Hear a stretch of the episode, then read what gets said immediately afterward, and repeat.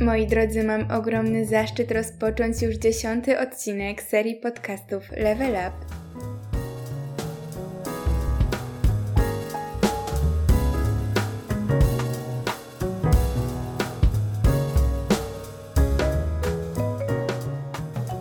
I dzisiaj chciałabym podjąć temat asertywności.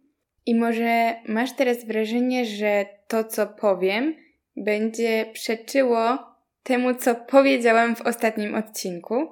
I masz do tego pełne prawo, jednak, żeby to sprawdzić, chciałabym Ciebie zachęcić i zaprosić do wysłuchania całego odcinka i sprawdzenia, czy rzeczywiście posłuszeństwo kłóci się z asertywnością, czy nie.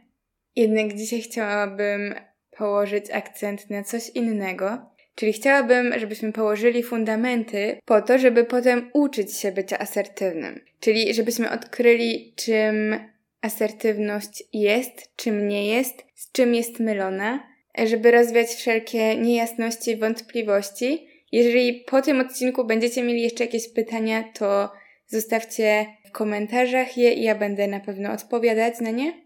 Bo moim ogromnym marzeniem jest to, żeby wszyscy byli asertywni. Bo asertywność jest po prostu dla każdego. I może zastanawiasz się, czy tak się da, e, skoro jak ktoś stawia na swoim, to ktoś inny siłą rzeczy musi ulec. I mogłabym się z tym zdaniem zgodzić, jednak to zdanie ma pewien błąd, błędne założenie o tym, że asertywność to jest stawianie na swoim za wszelką cenę to jest bycie takim nieugiętym, takim ofensywnie nawet nieugiętym. I to jest właśnie pierwszy mit odnośnie asertywności, który z miłą chęcią obalę. Bo zachowując się asertywnie działamy w naszym najlepszym interesie, ale nie za wszelką cenę i nie stawiamy siebie ponad drugiego człowieka. Ten drugi człowiek jest potraktowany przez nas na poważnie, jest potraktowany na równi. Chodzi o to, że my wyrównujemy te siły pomiędzy stronami konfliktu, ale też normalnych sytuacji.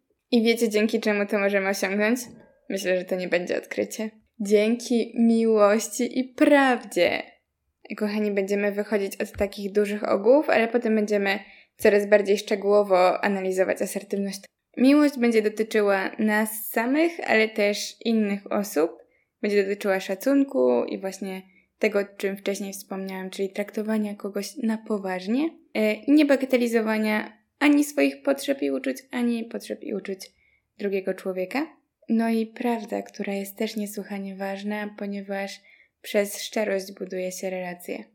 A co jeśli tych filarów jednak zabraknie? No więc brak miłości będzie skutkował agresją, a brak prawdy będzie skutkował uległością. No i obydwa przypadki będą przejawem braku asertywności. No i rodzi się pytanie, dlaczego się tak zachowujemy? Dlaczego zachowujemy się nieasertywnie? No i niektórzy się pewnie tak zachowują, dlatego że boją się odrzucenia, albo uważają, że nie umieją się inaczej zachować, albo że po prostu ich asertywne zachowanie i tak nie wygeneruje żadnej zmiany. Kochani, chciałabym Wam powiedzieć teraz, że nauka asertywnego zachowania może nam pomóc przejść level wyżej nad lęk, nad poczucie winy i nad wstyd. Także wszystko jest dostępne. Wystarczy chcieć. No i dobrze. Jednak ciągle wiele osób nie wierzy w to, że ma prawo się asertywnie zachować. Albo właśnie wierzy, ale tak nie do końca. Uważa, że są niektóre sytuacje, w których jednak asertywne zachowanie jest nieodpowiednie. Asertywne zachowanie jest zawsze odpowiednie. Po prostu e, na przykład wychodzimy z systemu szkolnictwa, który uczy nas, że niewychylanie się, bycie cichym i potulnym e, to jest uznawanie kogoś e, za bycie grzecznym i jest nagradzane, a osoby, które miały inicjatywę i wychodziły poza system, zostały stopowane. I właśnie smutny fakt z tego jest taki, że około 4-5 klasy naturalna spontaniczność dzieci w uczeniu się została zastąpiona właśnie uległością w stosunku do szkolnych metod. I my przez to wychodzimy tacy w świat z przekonaniem, że wszelkie przejawy sprzeciwu e, są po prostu nie na miejscu. I to jest efekt właśnie systemu szkolnictwa. Kochani, ale wskrzeszamy przekonanie o tym, że asertywność jest ważna, że to jest coś, co powinniśmy pielęgnować, co każdy z nas powinien pielęgnować. I wiecie, chciałabym jeszcze powiedzieć, że asertywność to jest umiejętność bardzo złożona, dlatego nie da się konkretnie określić, czy ja jestem asertywna, czy nie jestem asertywna. Albo to zachowanie było asertywne, albo nie było asertywne. I dzieje się tak, ponieważ y, asertywność może u nas się po prostu różnić.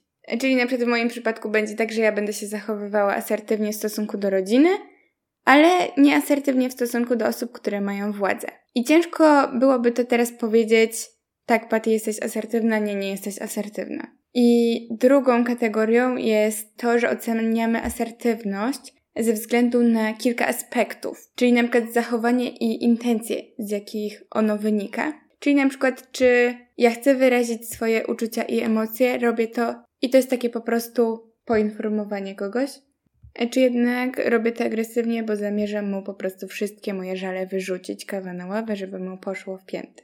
Oprócz zachowania i intencji mamy jeszcze reakcję, która na przykład może być agresywna, bo ktoś źle może zareagować na naszą prośbę o przysługę.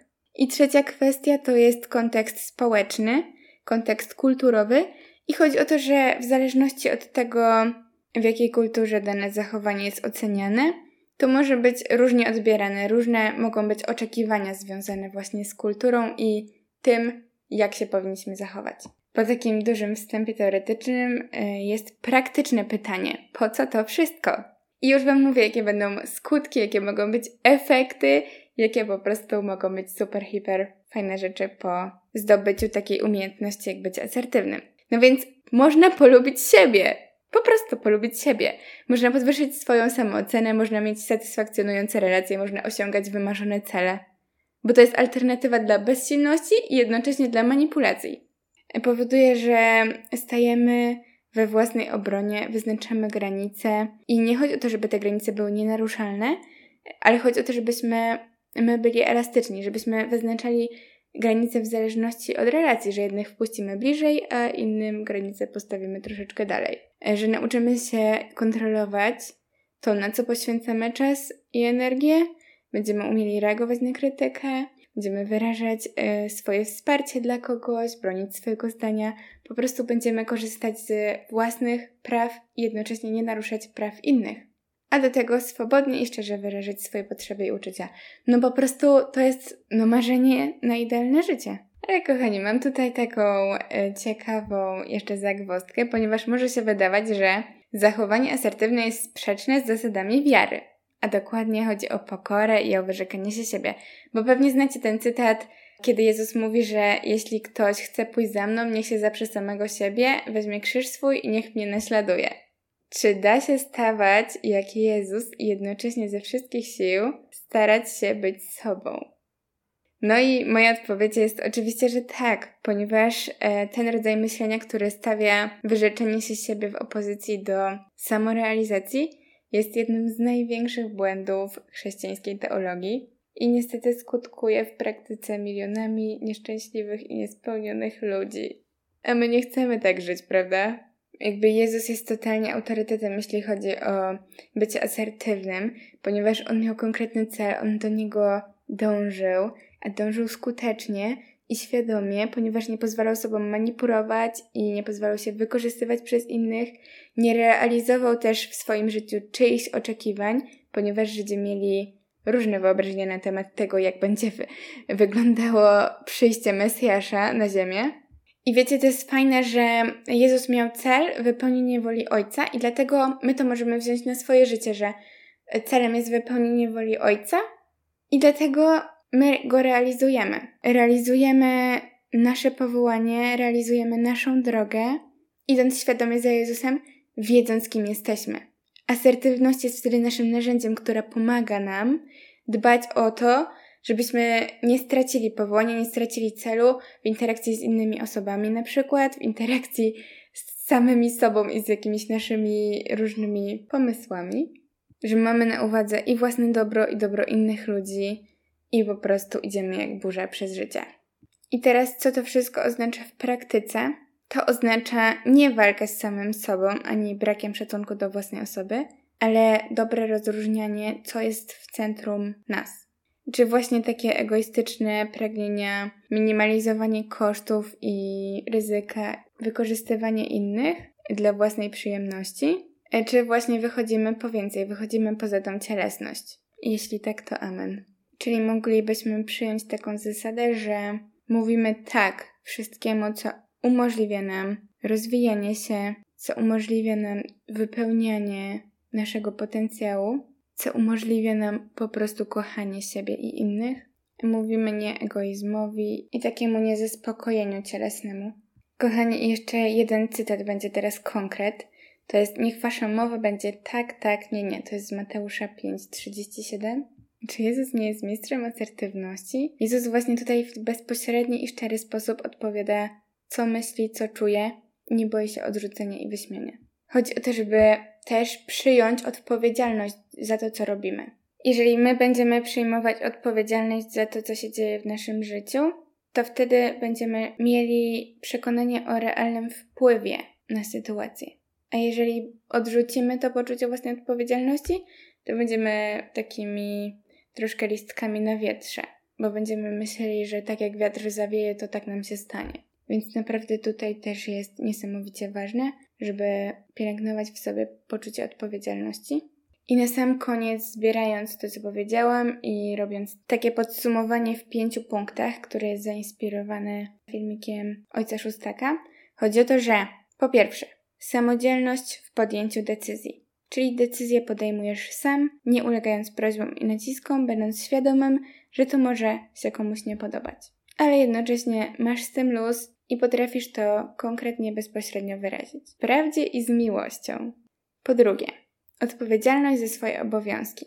Asertywność nie polega na odmowie wykonania obowiązków wynikających z tego, kim jestem, czyli na przykład jestem studentem, jestem córką, jestem przyjaciółką, jestem pracownikiem.